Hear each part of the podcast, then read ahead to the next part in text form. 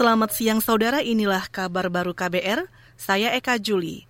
Kita awali dari informasi pemilu. Kabar Pemilu.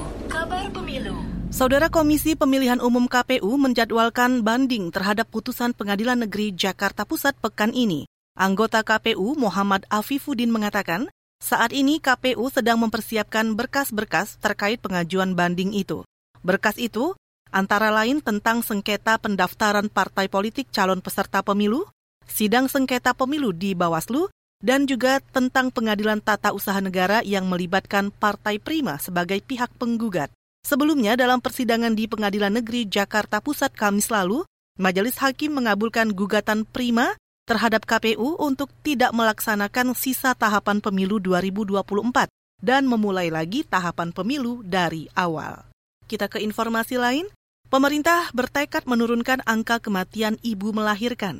Menurut Kepala Badan Kependudukan dan Keluarga Berencana atau BKKBN Hasto Wardoyo, angka kematian ibu melahirkan di Indonesia saat ini mencapai 189 orang per 100 ribu kelahiran hidup.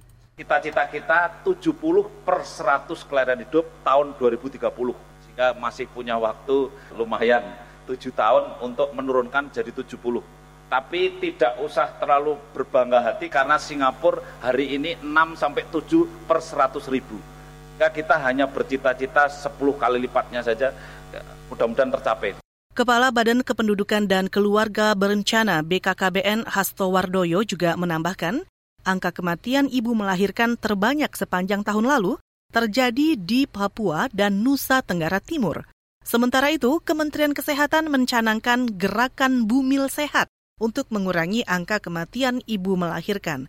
Para ibu hamil diharapkan mau melakukan cek kehamilan enam kali, dengan dua di antaranya diperiksa oleh dokter. Saudara, pemerintah mengklaim program penyediaan air minum dan sanitasi berbasis masyarakat berhasil mencapai target yang ditetapkan.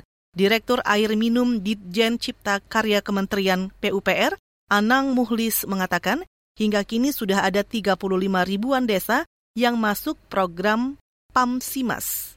Pada tahun 2023 ini, PAMSIMAS akan terus dilaksanakan pada 1063 desa atau kelurahan melalui Balai Prasarana Permukiman Wilayah di seluruh Indonesia dengan sumber dana rupiah murni.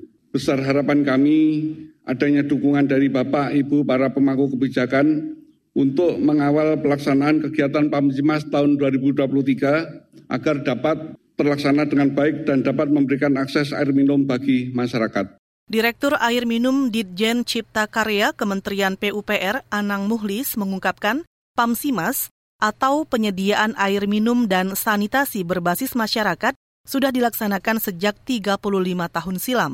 Pendanaannya hingga 2021 lalu mencapai total 14 triliun rupiah dengan bersumber antara lain dari APBN dan APBD. Saudara demikian kabar baru, saya Eka Juli.